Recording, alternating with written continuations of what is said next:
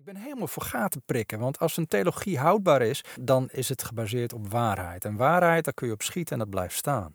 Voorspoedspredikers rappen vooral over de voordelen van gezondheid en rijkdom. En soberheidsapologeten boeken met name op de geestelijke zegen van het rechtvaardigd worden in Christus met de Heilige Geest als bonus. Een podcast voor kerkgangers, kerkverlaters en kerkelozen. Aangebreken. In een onzekere wereld waarin veranderingen elkaar versneld opvolgen en ons samenkomen, zingen en beleven steeds vaker onder druk komt, is een bijbelse koers houden een must en een kompas. Tuurlijk, het is jouw leven, het is jouw schip, maar de beste stuurlui, die hebben een loods. Mijn naam is Benaya en ik vaar graag een handje met je mee.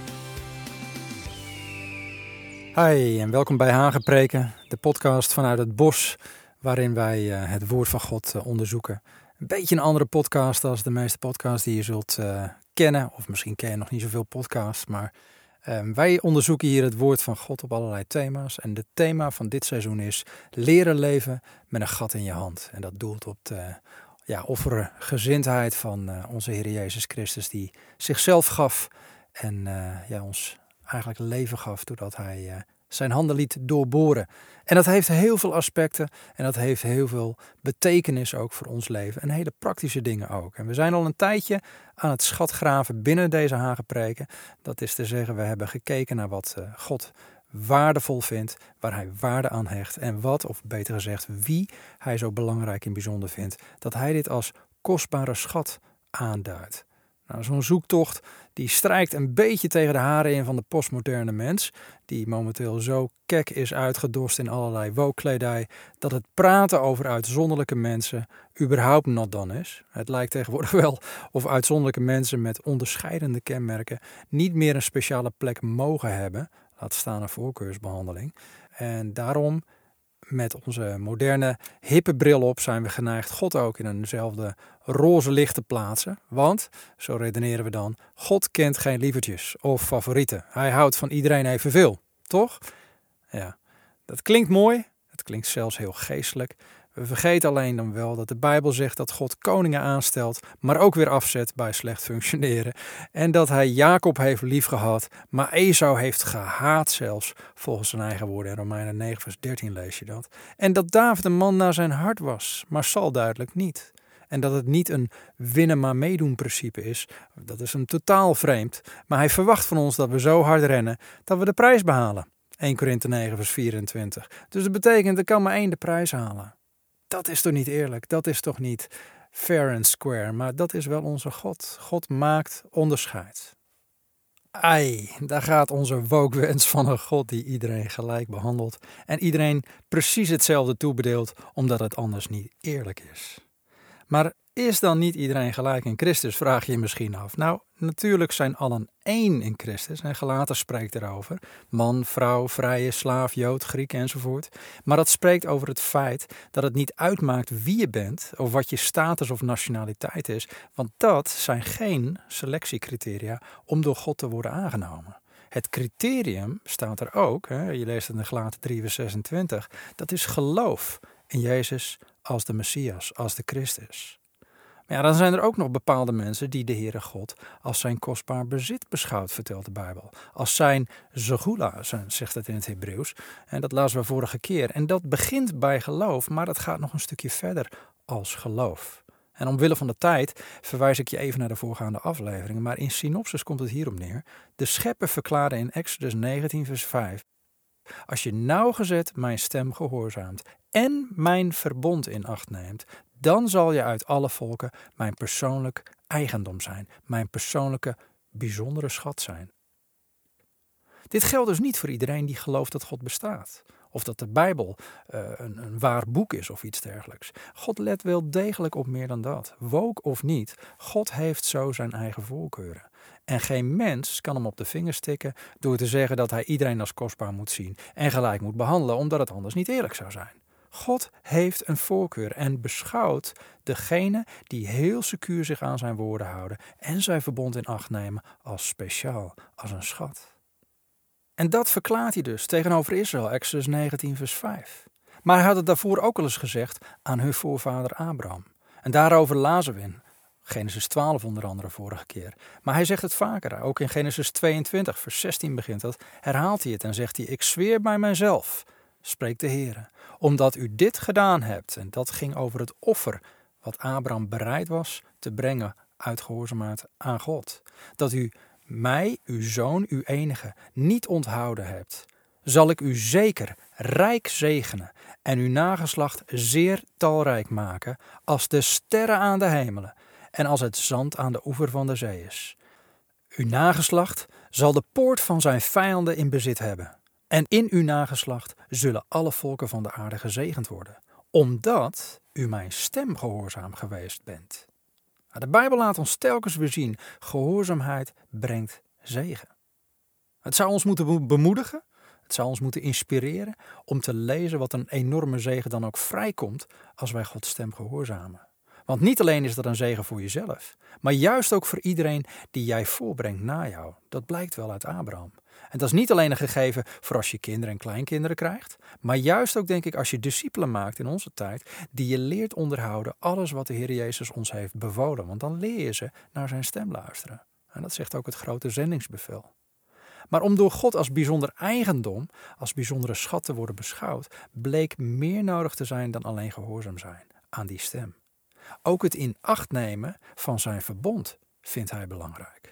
Tenminste, dat zei hij in die tekst van Exodus 19, vers 5. Dus om die reden keken we dus ook naar de verbonden die God met ons als mensen sloot. En we leerden al in de vorige afleveringen, luister maar terug, hoe deze verbonden blijven doorwerken naar de mens door de eeuwen heen, omdat ze bindend zijn. Bindend voor God, maar ook bindend voor de mens. En een van de verbonden waar God naar teruggrijpt als hij het volk in Exodus 19 toespreekt, is het verbond dat hij sloot met hun voorvaderen, namelijk Abraham en daardoor ook met Isaac en Jacob die naam kwamen.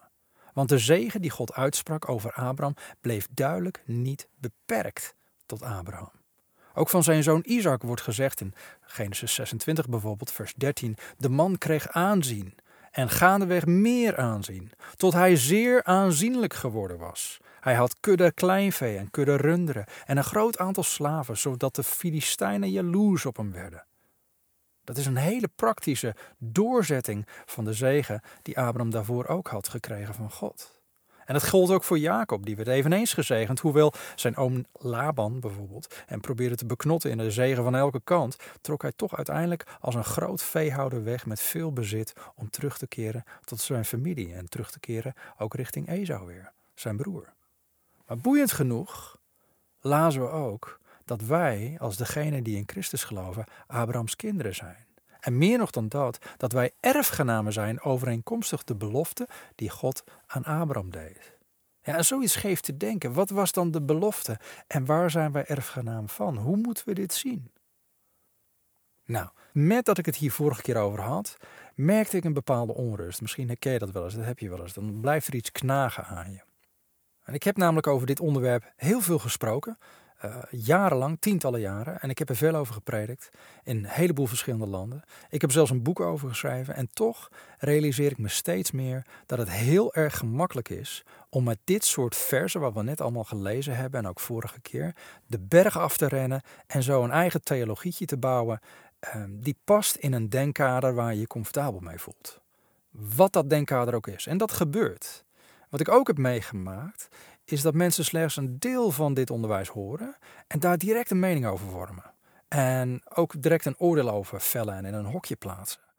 En inmiddels is naming, framing en shaming alleen nog maar een grotere volkssport geworden dan, dan dat het toen was. Maar in die tijd dat ik hier ook uh, veel seminars over gaf, had ik ook als, als, als richtlijn van nou jongens, ik wil graag dat mensen alle avonden volgen. Want als je namelijk één onderdeel of één tekst of één uitspraak hieruit filtert, uit, uit verabsoluteert, dan krijg je een soort drie stappen thuistheologie die meer schade als zegen bewerkt. Ja, zeg je misschien, maar waarom, waarom noem je dit nu allemaal Benaja? Nou, ik hoop te voorkomen dat je afhaakt bij deze serie Hagepreken Um, omdat het bepaalde onderwerpen raakt die gevoelig liggen, in Nederland met name. Omdat ik geloof dat het je kan helpen om anders naar je leven in zowel geestelijke als natuurlijke zin te gaan leren kijken. Juist in een tijd waarin al onze natuurlijke zekerheden op losse schroeven beginnen te staan. Maar ook omdat ik steeds meer geluiden in Nederland hoor die hierop lijken, maar die gelovigen op een verkeerd been zetten qua onderbouwing vanuit de schrift. En ook qua nadruk waar het werkelijk om draait. En heel eerlijk, ik kwam bij toeval een YouTube-kanaal tegen van iemand die ageerde tegen de voorspoedsleer. En daar hele goede kanttekeningen bij plaatsen vanuit het woord. Maar die tegelijkertijd daarin ook wel heel overtuigd was dat hij een volledige, eh, correcte exegese toepaste. Maar toch als puntje bij paaltje kwam aan het hele eind van het verhaal, toch kind, badwater en badkuip overboord gooide. Ehm, helaas. En dat wrikt dan bij mij. En eigenlijk kan ik daar gewoon niet goed tegen, moet ik eerlijk zeggen. Ondanks dat de goede apologetische insteek er was, bleek het net zo goed weer een onvolledig verhaal. En wat ik erger vind, deed het ook God weer tekort van wat hij wil doen door zijn volk en met zijn verbonden. Oké, nou misschien loop ik inmiddels het risico dat je achter je oren zit te krabben en zegt: Benaje, waar heb je het eigenlijk over? Dus laat ik maar gauw voor start gaan. Voor de volledigheid, ik voel me dus genoodzaakt in deze aflevering om nogmaals gelaten 3b te pakken, omdat ik zeker wil weten dat we binnen het thema van dit seizoen op dezelfde pagina zitten. En ik geloof dat er nog heel wat uit te leren valt. We beginnen dus nog een keer in vers 7 van Gelaten hoofdstuk 3, want dat wordt juist heel veel aangehaald door beide kampen die hier naar kijken. En daar staat: Begrijp dan toch dat zij die uit het geloof zijn, Abrahams kinderen zijn. En de schrift die voorzag dat God uit het geloof de heidenen zou rechtvaardigen, verkondigde eertijds aan Abraham het evangelie, het goede nieuws. In u zullen al de volken gezegend worden. Daarom worden zij die uit het geloof zijn gezegend, samen met de gelovige Abraham. Als u van Christus bent, dan bent u Abrahams nageslacht en overeenkomstig de belofte erfgenamen. Deze tekst bekeken we vorige keer ook al, maar het zijn lastiger versen dan je denkt. Vooral omdat precies dezelfde versen bij uitstek door menig voorspoedsprediker gebruikt wordt om voor zichzelf de nodige zegeningen, nou ja, landerijen, huizen, riant inkomen en dat soort dingen te claimen. Zo van Abraham werd gezegend door God op een hele praktische en tastbare manier door letterlijke rijkdommen. Dus wij gaan ook onder die zegen hetzelfde meemaken. Gegarandeerd. Dat is de belofte van God. Nou, natuurlijk is het zo dat God Abraham buitensporig zegende, naar de mens gesproken. De Bijbel vertelt ons van Abraham, net als van zijn zoon Isaac, dat eh, bijvoorbeeld Genesis 13, vers 2, Abraham was zeer rijk aan vee, aan zilver en aan goud. Er is geen woord Frans bij. Je kunt dat niet ontkennen, de man was stinkend rijk. Maar wij zijn een landje van extreme. En dan lijkt het dus wel alsof de zienswijze op dit soort versen ook enkel en extreme te vertalen valt. En laat me je dat even uitleggen. Je hebt bijvoorbeeld mensen die in die voorspoedshoek zitten, in dat denkkader. En bij het lezen van de vers uitgelaten 3 zeggen ze: Kijk, God zei dat Abraham gezegend zou worden en beloofde dat alle geslachten in hem gezegend zouden worden. Dus dit betekent dat wij een claim mogen leggen op deze erfenis. Wij zijn gezegend in de rechtvaardige Abraham. Dit is de man, dit is zijn bezit. En in Christus, door Christus, zijn wij erfgenamen. En die belofte geldt dus ook voor ons. En vervolgens zie je dat het verkrijgen van fysieke en materiële behoeften nou, bijna nog meer voorrang in het geloofsleven van mensen met een voorspoedstheologie krijgt dan de prediking van rechtvaardigheid en het wandelen naar de geest.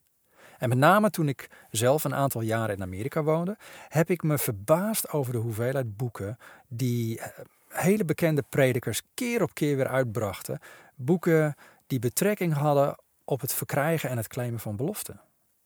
En soms dacht ik wel eens, ja, hoeveel, hoeveel boeken kan een mens eigenlijk schrijven over dit onderwerp?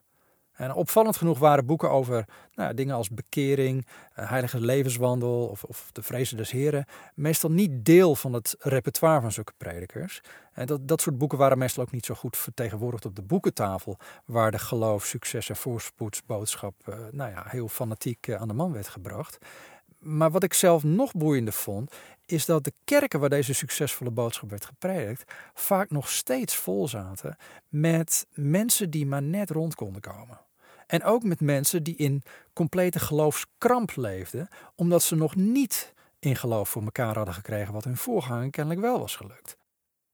Maar ja, dat durfden ze eigenlijk niet dan te uiten. Hè, als je daarmee met mensen sprak. Want je moest positief blijven beleiden. Want anders wist je zeker dat je niet uh, verkreeg waar je in geloof verstond. Je moest blijven beleiden, in geloof blijven staan. Ja, ik werd er zelf altijd een beetje triest van. En het is ook die discrepantie tussen wat een deel lijkt te pakken en een grote deel permanent lijkt na te jagen, die veel mensen achter de oren doet krabben. Met name omdat het evangelie van succes en voorspoed nogal afgebakend lijkt te zijn tot een kleiner segment van het lichaam van Christus wereldwijd. Ik bedoel, met name de westerse wereld en de delen van Azië bijvoorbeeld waar materiële voorspoed ook in de maatschappij zichtbaar is, de rijkere Aziatische landen, slaat deze boodschap aan. En in vervolgde gebieden en, en in gebieden die door rampspoed en oorlog zijn geteisterd, ja, loopt het niet zo'n vaart. En is het ook niet zo dominant aanwezig. Daar lijkt de geloofsprioriteit van het lokale lichaam van Christus heel ergens anders te liggen. Ja, zullen sommige mensen dan zeggen die hier heilig in geloven. Dat komt omdat niet iedereen gelooft of ook weet dat God dit wil en kan doen in hun leven. Ja, misschien. Maar ja, dan vraag je wel af waarom in de afgelopen 2000 jaar er niet meer zijn die dit hebben ontdekt. Ik bedoel, er zijn 20 eeuwen verder. Hè, en dat lijkt me toch wel een behoorlijke tijdspanne voor de Heilige Geest met name, om dit aan de man te brengen. Of, of, of kan het inderdaad zo zijn dat de geloofsprioriteit verschilt, omdat de urgentie voor succes niet door iedereen wordt gevoeld? Nou ja, denk daar maar eens over na. Maar dan heb je ook nog de andere kant van het spectrum. Van mensen die neigen naar, uh, nou, vooral naar een stukje soberheid en eenvoud. En, en zich richten met name op geestelijke zaken. En die ervaren dat er, dat er hier iets niet klopt aan die boodschap van succes en voorspoed. Niet dat zij zelf per se heel veel ervaring hebben met voorspoedspredikers.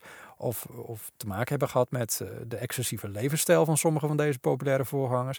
Maar het wrikt wel van binnen, dat is duidelijk. Um, en daarom stellen ze juist het tegenovergestelde.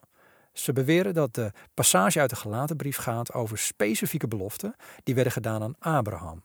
Juist omdat hij familie en land verliet en ging waar God hem leidde. En die gehoorzaamheid, dat geloof, dat werd hem tot rechtvaardigheid gerekend. En dat staat er, zeggen ze. De zegen van Abraham, zo stellen ze, gaat typisch over rechtvaardiging en het kunnen ontvangen van de belofte van de Heilige Geest. En als bewijslast voeren zij eveneens gelaten 3 op. Maar dan gelaten 3 vers 13 en 14. En daar staat, Christus heeft ons vrijgekocht van de vloek van de wet door voor ons een vloek te worden. Want er staat geschreven, vervloekt is een ieder die aan een hout hangt. Opdat de zegen van Abraham in Christus Jezus tot de heidenen zou komen en opdat wij de belofte van de geest zouden ontvangen door het geloof. Dat klinkt bijna één op één van, hé, hey, kijk, het gaat om je redding en om je gerechtvaardigd worden en om de Heilige Geest. Ja, dat Abraham werd genezen, zodat hij en Sarah niet kinderloos bleven. Dat zijn naam en zijn reputatie groot werden. En dat hij met fysieke rijkdommen werd gezegend. Ja, dat is meer een Abraham-dingetje. Dat zijn namelijk specifieke beloften die God alleen aan Abraham beloofde. Kort gezegd, je moet de zegen van Abraham waar Paulus op doelt in de gelaten brief voornamelijk geestelijk opvatten. Want, zo zeggen deze mensen, er wordt met geen woord gerept over fysieke zegeningen, gezondheid, rijkdom en dat soort dingen door Paulus. Dus gaat het hier niet over. Nou, op zich lijkt dat logisch, klinkt dat logisch. Maar dat doet je wel afvragen of God in dat vers in Exodus 19, vers 5 richting het volk Israël ook alleen maar doelde op rechtvaardiging en de belofte van zijn geest. Ik bedoel, hij sprak over het horen naar zijn woord, maar ook over het verbond houden. Was dat dan alleen maar geestelijk? Ja, lekker belangrijk allemaal dit, denk je misschien, maar wat maakt dat nou toch uit? Nou, ik denk het wel. Ik denk dat het uitmaakt. Ten eerste omdat we natuurlijk in het thema van dit seizoen Hagepreken kijken hoe we kunnen leven op een manier die de Heer Jezus ons voorleefde. En ook of dat consistent is. Hè. Werd het doorgezet door de apostelen en de eerste christenen. Maar dan maakt het wel uit, wat is je vertrekpunt? Als dat vertrekpunt wordt vertroebeld door een leer die hier een draai aan geeft en een weerwoord die er ook maar voor de helft recht aan doet, dan verdient het wel een aflevering van Hagepreek om te zorgen dat we op dezelfde pagina blijven. En momenteel klinkt het weerwoord tegen de voorspoedsleer minstens zo sterk in ons landje als de bravoer waarmee de leer zelf wordt verkondigd. En zo kwam ik zelf ook op, op nou ja, hele YouTube-kanalen die aandacht besteden aan het gaten prikken in de voorspoedsleer. Uh, en die het verlangen hebben om dwaaleren te voorkomen, prachtig op zich. En hierin prat gaan op het feit dat zij menen wel juist het woord uit te leggen. Nou, ik ben helemaal voor gaten prikken, want als een theologie houdbaar is, dan, dan is het gebaseerd op waarheid. En waarheid, daar kun je op schieten en dat blijft staan. Maar ik word altijd wel een beetje zenuwachtig als iemand zegt: Kijk, wij zien het wel juist. Want niets menselijks is ons vreemd. Staat niet voor niks dat wij kennen ten dele en we profiteren ten dele. 1 Korinthe 13, vers 9. Dus niemand heeft het volledige plaatje, sowieso niet. Dat geldt ook voor uw gastheer trouwens hoor. Maar daar hebben we elkaar voor nodig. En samen komen we dichter bij de waarheid. Vandaar dat we er goed aan doen om te onderzoeken wie welke redenatie volgt en waarom. En leggen we dan het weerwoord even onder de loep, dan valt het op dat ook hier te snel wordt doorgestoken naar conclusies op basis van de tekst uit Galaten 3. Want de bewijstekst die wordt aangehaald om te onderbouwen dat het hier niet om natuurlijke beloften ging, maar geestelijke zaken, laat duidelijk zien dat het juist de geestelijke zaken zijn, de rechtvaardiging op basis van het werk van Christus, die leiden tot het vrijkomen van de zegen van Abraham richting de heidenen. Want we lazen, ik zal het nog een keer voorlezen in Galaten 3, vers 13 en 14, dat Christus ons vrijkocht opdat de zegen van Abraham in Christus Jezus tot de heidenen zou komen. En opdat wij de belofte van de geest zouden ontvangen door het geloof. En daaraan zie je dus dat de zegen van Abraham was dus niet rechtvaardiging. De zegen van Abraham was het gevolg van de rechtvaardiging die Christus mogelijk maakte. Dat allereerst. En ook wordt vergeten dat Paulus in deze bewijsvoerende versen spreekt over Christus die ons vrijkocht van de vloek van de wet. Maar even heel eerlijk, we lezen niet in Genesis dat God Abraham beloofde: Abraham, ik ga je vrijkopen van de vloek van de wet en rechtvaardig verklaren en ook nog eens de Heilige Geest aan je geven. Dat was niet wat hij aan Abraham beloofde. Natuurlijk kan je dat wel opvoeren als onderdelen die worden genoemd in de gelaten brief, maar je kan niet stellen dat dit daarmee gelijk staat aan de zegen van Abraham. Let wel, daarmee zeg ik niet dat de zegen van Abraham voorspoed en rijkdom was en in dat genre, want inboxen dat uh, gebeurt al heel snel. Maar het was ook niet de rechtvaardiging door geloof en de Heilige Geest. Anders stond dat niet apart van elkaar genoemd. Niet los van de belofte van Abraham. Ik bedoel, zelfs het volk Israël wist dat er meer aan de zegen van hun voorvader Abraham gelinkt zat dan louter geestelijke zegen. Maar nogmaals, ik zoom hier even op in, omdat je, wanneer je de voorspoedsgedachte exegetisch wil weerleggen, je dit niet kan doen door een typisch Grieks denkkader aan te nemen. En wat bedoel ik daarmee? Het Griekse denken kenmerkte zich doordat het geestelijke zaken van hogere orde beschouwde als de natuurlijke dingen. Is dat dan niet zo benaaid, denk je misschien? Nou, nee. De mens is niet geschapen als geest. De mens is door God geschapen vanuit de aarde en werd een levende ziel, zegt Genesis, toen de schepper zijn levensadem in hem blies. En dit alles was goed, zeer goed zelfs.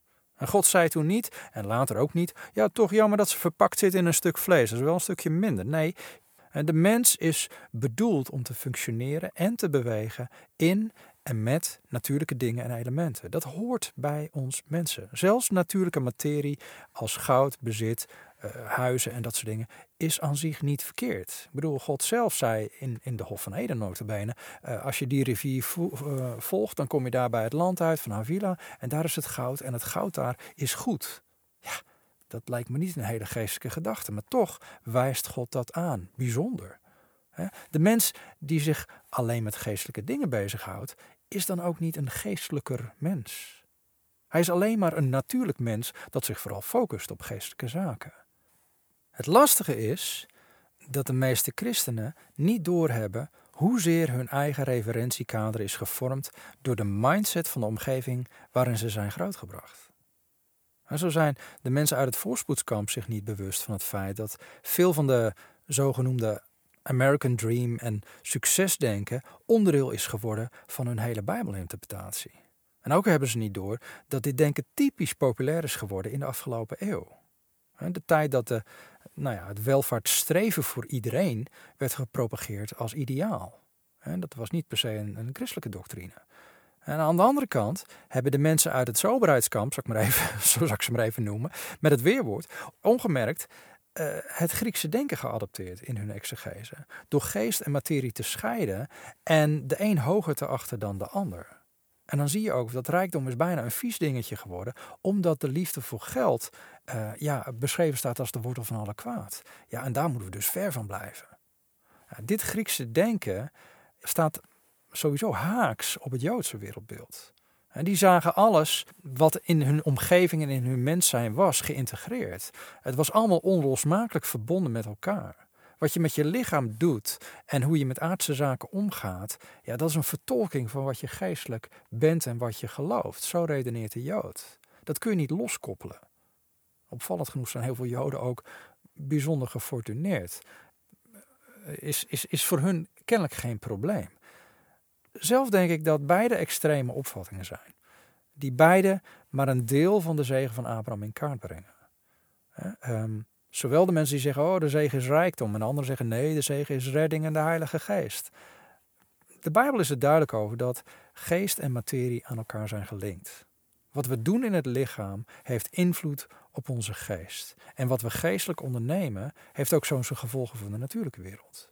Vandaar dat de natuurlijke daden van nou ja, bijvoorbeeld de heidense hoofdman Cornelius, die heel veel van zijn eigen financiën weggaf aan het volk, een geestelijke oogst opleverde. God vertelde hem letterlijk dat niet alleen zijn gebeden, maar ook zijn aalmoezen voor God in gedachten waren gekomen. Lees je in Handelingen 10. Maar ook Jezus is soms ja, gewoon botweg eerlijk.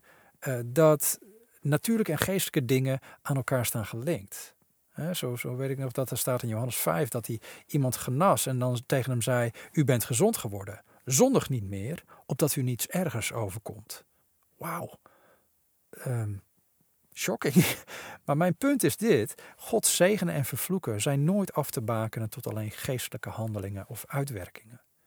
Want nee, Paulus spreekt inderdaad niet in de gelaten brief over rijkdom die tot ons komt door de zegen van Abraham. Dat is helemaal correct. Maar dat betekent niet dat we daarmee de belofte van Abraham voor onszelf maar moeten afbakenen of kortwieken. Sowieso wil het niet zeggen dat als iets niet wordt genoemd, hetgeen wat eerder wel werd genoemd, daarmee komt te vervallen. Correcte exegese is nooit afgebakend tot slechts één brief. Je kunt niet zeggen, uh, het staat niet in gelaten, dus daar gaat het niet om. De belofte van Abraham is, is anders. Een voorbeeld, eh, nou, een korte brief als Judas. Dat heeft voornamelijk tot doel om te waarschuwen tegen dwaalleraars. En een aansporing om te strijden voor het geloof dat eenmaal aan de heilige is overgeleverd. Ja, dat wil niet zeggen dat dit geloof kan worden afgebakend tot enkel datgene wat wordt genoemd door Judas. Het is aan ons overgeleverd en, en staat beschreven, dat geloof, in tal van brieven en in, in, in de vier evangelie en alles. Uh, niet alleen hetgeen wat Judas noemt in die brief, kan je uh, definiëren als dat is dus het geloof wat is overgeleverd. Snap je wat ik bedoel? Net zo min als voorspoedsfans niet geriefelijk het pleidooi van Paulus in de gelaten brief kunnen ombuigen met een paar versen om hun eigen favoriete theologie te onderstrepen van, van rijkdom en huizen en dat soort dingen. Zo kunnen ook de soberheidsvoorvechters dezelfde brief niet aanvoeren als bewijs dat de zegen van Abraham puur draait om rechtvaardiging en ontvangen van de geest van God. Want correcte exegese gebiedt ook dat je nog even doorleest naar vers 15 en 16 in datzelfde hoofdstuk. Want daar staat broeders. Ik spreek op menselijke wijze.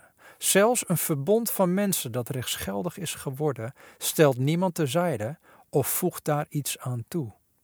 Nou, daarmee heb je eigenlijk beide kampen al gelokaliseerd. Want de een maakt het mooier, die voegt er iets aan toe, en de ander kleedt het uit, stelt iets terzijde. En dan zegt het in vers 16: Wel nu, zo zijn de beloften. Let op, er staat meer fout, dus niet de belofte van Abraham, maar de beloften aan Abraham en aan zijn nageslacht gedaan. Hij zegt niet en aan de nageslachten, of er sprake zou zijn van velen, maar aan één. En aan uw nageslacht, dat is Christus. We hebben het dus over één nageslacht, maar we hebben het wel over meerdere beloften. En die meerdere beloften zijn aan Abraham en aan zijn nageslacht gedaan. Dus het is niet zo, ja, sommige zijn voor Abraham En anderen zijn voor het nageslacht, of ja, die zijn ook van Abraham en ook voor het nageslacht, maar die andere beloften die gelden dus niet voor het nageslacht. Dat staat er allemaal niet. Dat moet je er dan in gaan lezen. En daarmee wordt het boeiend. Want voorvechters uit beide kampen boeken slechts op één type belofte. Voorspoedspredikers reppen vooral over de voordelen van gezondheid en rijkdom. En soberheidsapologeten die boeken met name op de geestelijke zegen van het rechtvaardigd worden in Christus met de Heilige Geest als bonus.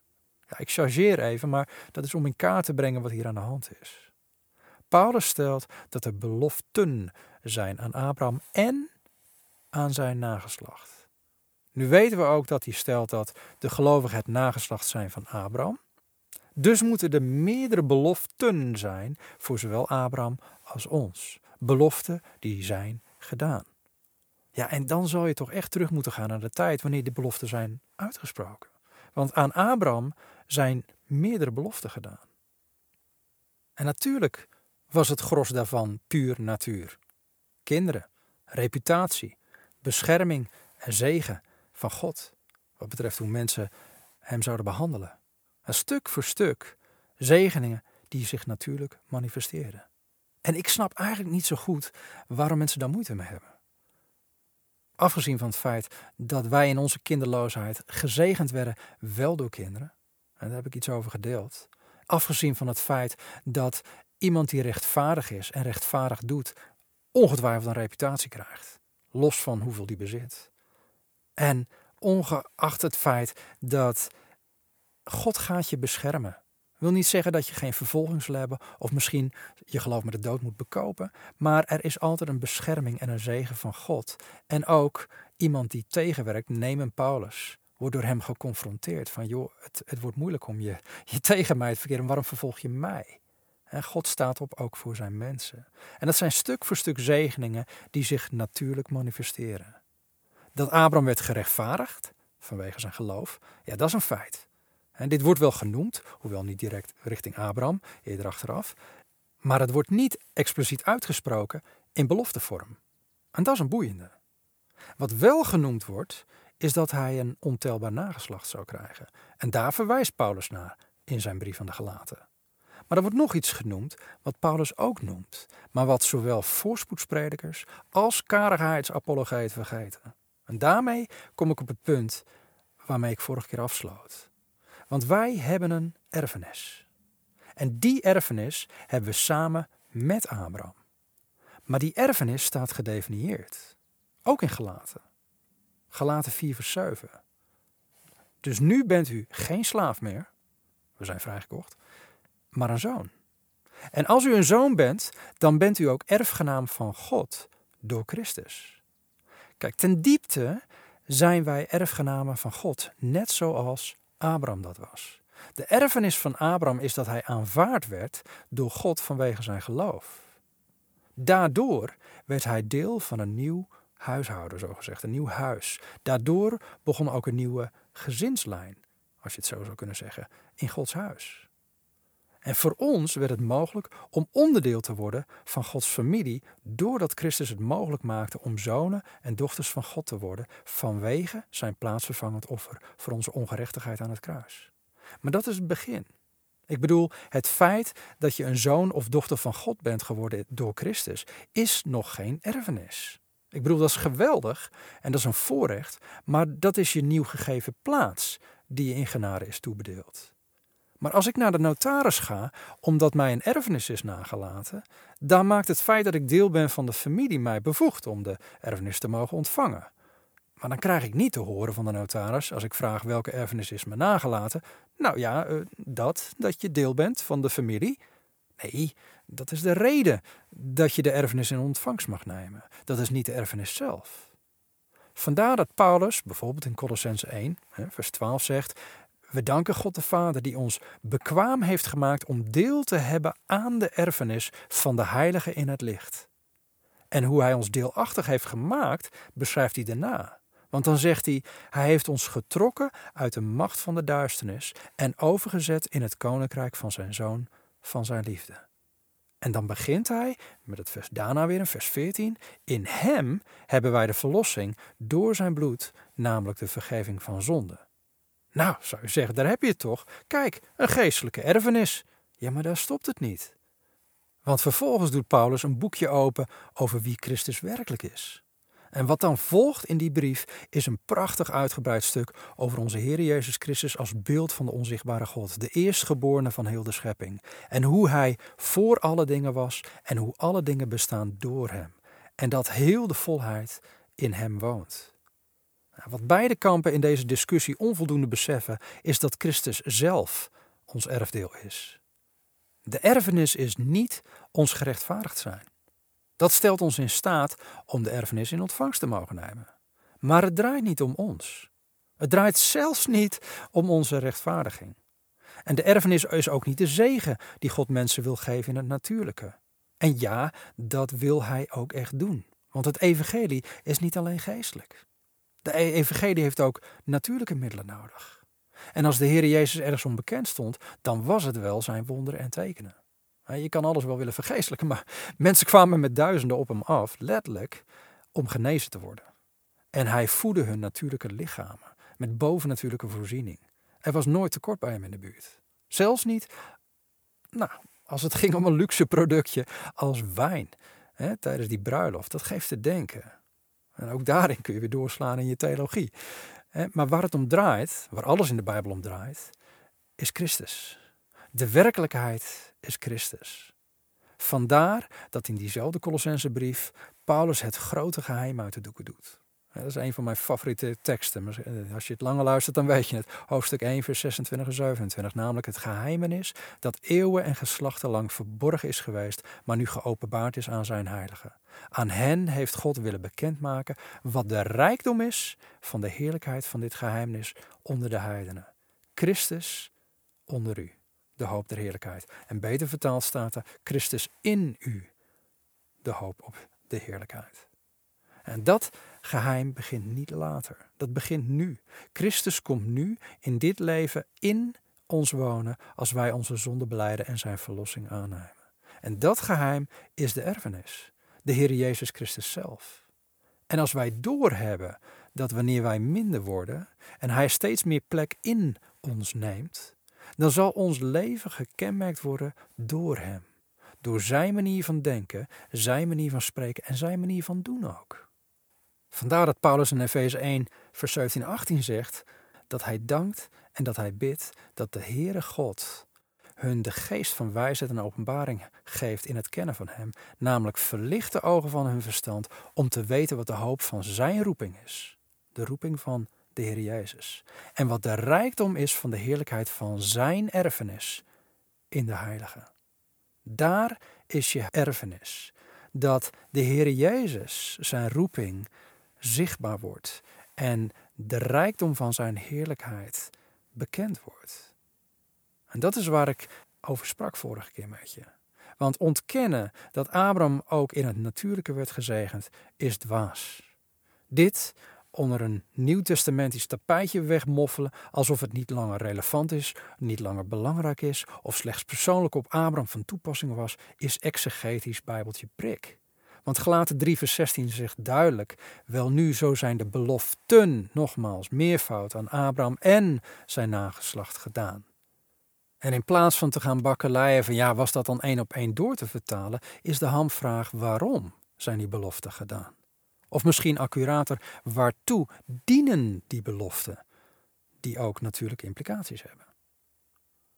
Dat lichtte de Heere God dus toe, onder andere waar ik vorige keer over sprak in Deuteronomium 8, vers 18, waar we vorige keer lazen, u moet de Heere God in gedachten houden, dat Hij het is die u kracht geeft om vermogen, dat is een natuurlijk iets, te verwerven, opdat Hij zijn verbond zou bevestigen dat hij onder ede met uw vaderen gesloten heeft, zoals het op deze dag nog is.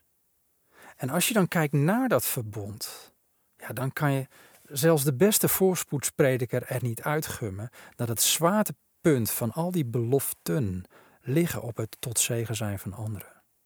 Of zoals in Genesis 12 het zegt, u zult tot zegen zijn. En in, in u zullen alle geslachten van de aardbodem gezegend worden. Dat is het hart van Christus. Dat is de manifestatie van de heerlijkheid van Christus. In plaats van theologisch te bekvechten of elkaar van gebrekkige exegese te beschuldigen, is het zaak te kijken naar waar ligt Gods hart. Waarom worden die beloften überhaupt gegeven? Want God denkt nooit aan één persoon. Hij denkt aan een wereld in nood. En hij ziet schapen verstrooid, dwalend zonder herder over de vlakte. Maar er is een herder. En is die herder eenmaal gevonden, dan leidt hij de schapen wel aan grazige weiden en stille wateren. Ja, maar dat is toch heel geestelijk? Nee, dat is ook natuurlijk. Je kunt niet mensen het evangelie verkondigen en ze in armoede achterlaten of in ziekte achterlaten. Er is een natuurlijke zegen die komt met het leren kennen van de herder. Waarom zouden we het kind met badwater en bad weggooien? Het is geestelijk en natuurlijk. En dat brengt ons weer full circle bij de Galatenbrief. Want tenslotte begint Paulus daar met uitleggen hoe hij en Barnabas naar de heidenen werden gezonden. Maar dan expliciet vernoemt hij in hoofdstuk 2 vers 10, alleen moesten wij wel aan de armen denken. En ik heb mij ook beijverd juist dit te doen. En Paulus kennende betekende dit niet alleen dat hij op een steen ging zitten, denken aan de armen. Nee, hij deelde uit. Dat deden ze ook in handelingen. In de eerste hoofdstukken zie je dat. Omdat hij wist dat ware religie is omzien naar weduwen en wezen in hun nood. En ja, en daar heb je wel geld voor nodig, mensen. Dat is niet puur geestelijk. En zijn mede-apostel Jacobus leren dit. Jacobus 1 vers 27. Dat is ware religie. Ware godsdienst. En Paulus roept ons ook op in hoofdstuk 5, ook van, van Galaten, om onze vrijheid te gebruiken om elkaar te dienen door de liefde. Bedoelt hij dat we elkaar knuffeltjes geven? Nee, om onze naaste lief te hebben als onszelf. Hè? Galaten 5 vers 13 en 14. Laten we wel wezen, als hij daarna de vrucht van de geest definieert, dan zijn elementen als vriendelijkheid en goedheid per definitie zichtbaar als wij geven aan anderen. En dan bedoel ik niet alleen knipoogjes en glimlachjes, maar ook uitdelen van wat we hebben. Geven is namelijk het hart van Christus. Christus is ons erfdeel. En daarom sluit Paulus de gelaten brief af met een opmerking als laten we niet moe worden goed te doen. Want te zijner tijd zullen we oogsten als we niet opgeven. Laten we dus, terwijl we de gelegenheid hebben, goed doen aan allen. Maar vooral aan de huisgenoten van het geloof. Snap je mijn punt inmiddels? Oftewel, het is niet alleen geestelijke zaken die de klok slaan. Het is niet alleen de vrucht van de geest die je karakter kleurt. Het is juist ook goed doen aan allen. Want dat deed Jezus. En dat deden de apostelen ook. Dat is waarom Cornelius bij God in de kijker liep. Niet alleen zijn gebeden, aalmoes ook. Dat is waarom ze in de gunst stonden in handelingen bij het hele volk. Ze deelden uit, niemand had een gebrek. We zijn bedoeld om wat te doen met de beloften die God aan Abraham maakte. En Gods belofte van nageslacht leidde helemaal tot aan de geboorte van Jezus Christus in een lichaam, in een vlees, wat de voorwaarde was voor het dragen van de straf die tot ons kwam. De belofte dat alle geslachten in Abraham gezegend zouden worden, werd daarmee voldaan. Maar vlak alsjeblieft niet uit de wil van God om ons kracht te geven om vermogen te verwerven om het hele verbond gestand te kunnen doen dat hij met onze voorvader in het geloof Abraham sloot. Namelijk dat wij tot zegen zullen zijn van anderen. Dat is nodig. En dat opent meer deuren dan alleen een preek of een evangelieverkondiging. Nou, iemand zei eens, genezing is de etensbel voordat de redding geserveerd wordt. En ik denk dat er waarheid in zit. En ik heb het voorrecht gehad om vele mensen tot geloof te zien komen en te mogen leiden nadat er een wonder gebeurde. Ik zag het in Nepal, ik heb het gezien in Mongolië, in Kazachstan, de Filipijnen, het Midden-Oosten, overal. En een knappe Nederlandse theoloog of apologeet die deze ervaring uit mijn hoofd kan praten. En daarbij strookt het ook nog eens een keer met wat we in de evangelie en in handelingen lezen. Dat kunnen we niet weggummen. Maar hetzelfde gebeurde ook doordat God mij het vermogen gaf om anderen te voeden. Ik was in de jeugdgevangenis in Ulaanbaatar, Mongolië, nooit binnengekomen zonder dat ik de middelen had gekregen om de hele jeugd van de gevangenis in de nieuwe winterkleding te steken. En ook was ik nooit met een team in de gevangenis van Dading in Nepal gekomen, zonder dat er genoeg geld was om een waterzuiveringsinstallatie aan te bieden, waardoor we met mensen konden bidden voor genezing en door genezing ook het evangelie konden prediken en mensen tot de Heer konden leiden. Maar daar was wel geld voor nodig. Anders kwam je niet binnen. Ik moest iets komen brengen. En dat was niet goedkoop. En wat ik wil zeggen is dit. Ik word soms hyper gefrustreerd, vergeet me mijn irritatie, bij het horen van alle meningen in dit landje. Enerzijds de voorspoedspredikers die hun focus zo op succes hebben en een, een simplistisch beeld schilderen van waar God zijn zegen voor gebiedt. Want God gebiedt zijn zegen voor het bevestigen van een verbond. En dat is meestal niet onderdeel van de prediking. En predikers hebben vaak dan ook niet het geduld of het inlevingsvermogen om om te zien naar degenen die nog niet voorspoedig zijn. Zeker niet aan de maatstaf die ze zelf aanhouden. En ze zien niet in dat dit juist de reden is dat deze mensen in hun kerken zitten. Zodat zij met de middelen die ze wel machtig zijn, die ze hun wel is toebedeeld, kunnen schitteren met de liefde van Christus. Maar aan de andere kant heb je ook die armoede- en karigheidspromoters die alles willen vergeestelijken. Meestal uit angst voor excessen van, van dezelfde predikers die ik net noemde. Maar ze vergeten dat er geen zegen of eer te behalen is aan een voortdurende status van leven met tekorten. Want armoede brengt namelijk net zoveel verwijdering van God als rijkdom. Je hoeft geen geld te hebben of vermogen om je schuldig te maken aan de liefde voor geld. Heel vaak beseffen mensen dat niet. Want de wortel van alle kwaad treft arm en rijk. Geen arme is blij met zijn sobere, eenvoudige leven. Geen arme is dan ook gevrijwaard van de liefde voor geld. En hij is ook niet geestelijker omdat hij minder te makken heeft. Snap je mijn punt? Het is daarom tijd om te kijken naar onze erfenis. Christus zelf. Het aloude What would Jesus do? Jezus bleef niet bekaaid en arm achter. Hij kon blijven uitdelen omdat hij leunde op de voorzienigheid van zijn hemelse Vader. Oftewel, we hebben nog wat te leren. We hebben nog wat af te leggen. Vooral als we naar het woordje schat kijken. Welke theologische kramp je ook zit. Vandaar dat we hier volgende keer naar gaan kijken. Het is een beetje een langere uitzending geworden, maar ik, ik heb bewust even tijd genomen om dit te ondergraven. Want het plaatje is groter. Het is vollediger als het voorspoedskamp of het karigheidskamp wil doen geloven. Vandaar, we pakken het volgende keer op. Blijven luisteren, blijven koers houden naar het woord van God. En heb je vragen, aanvullingen of opmerkingen? Mail even naar podcast.znknm.com.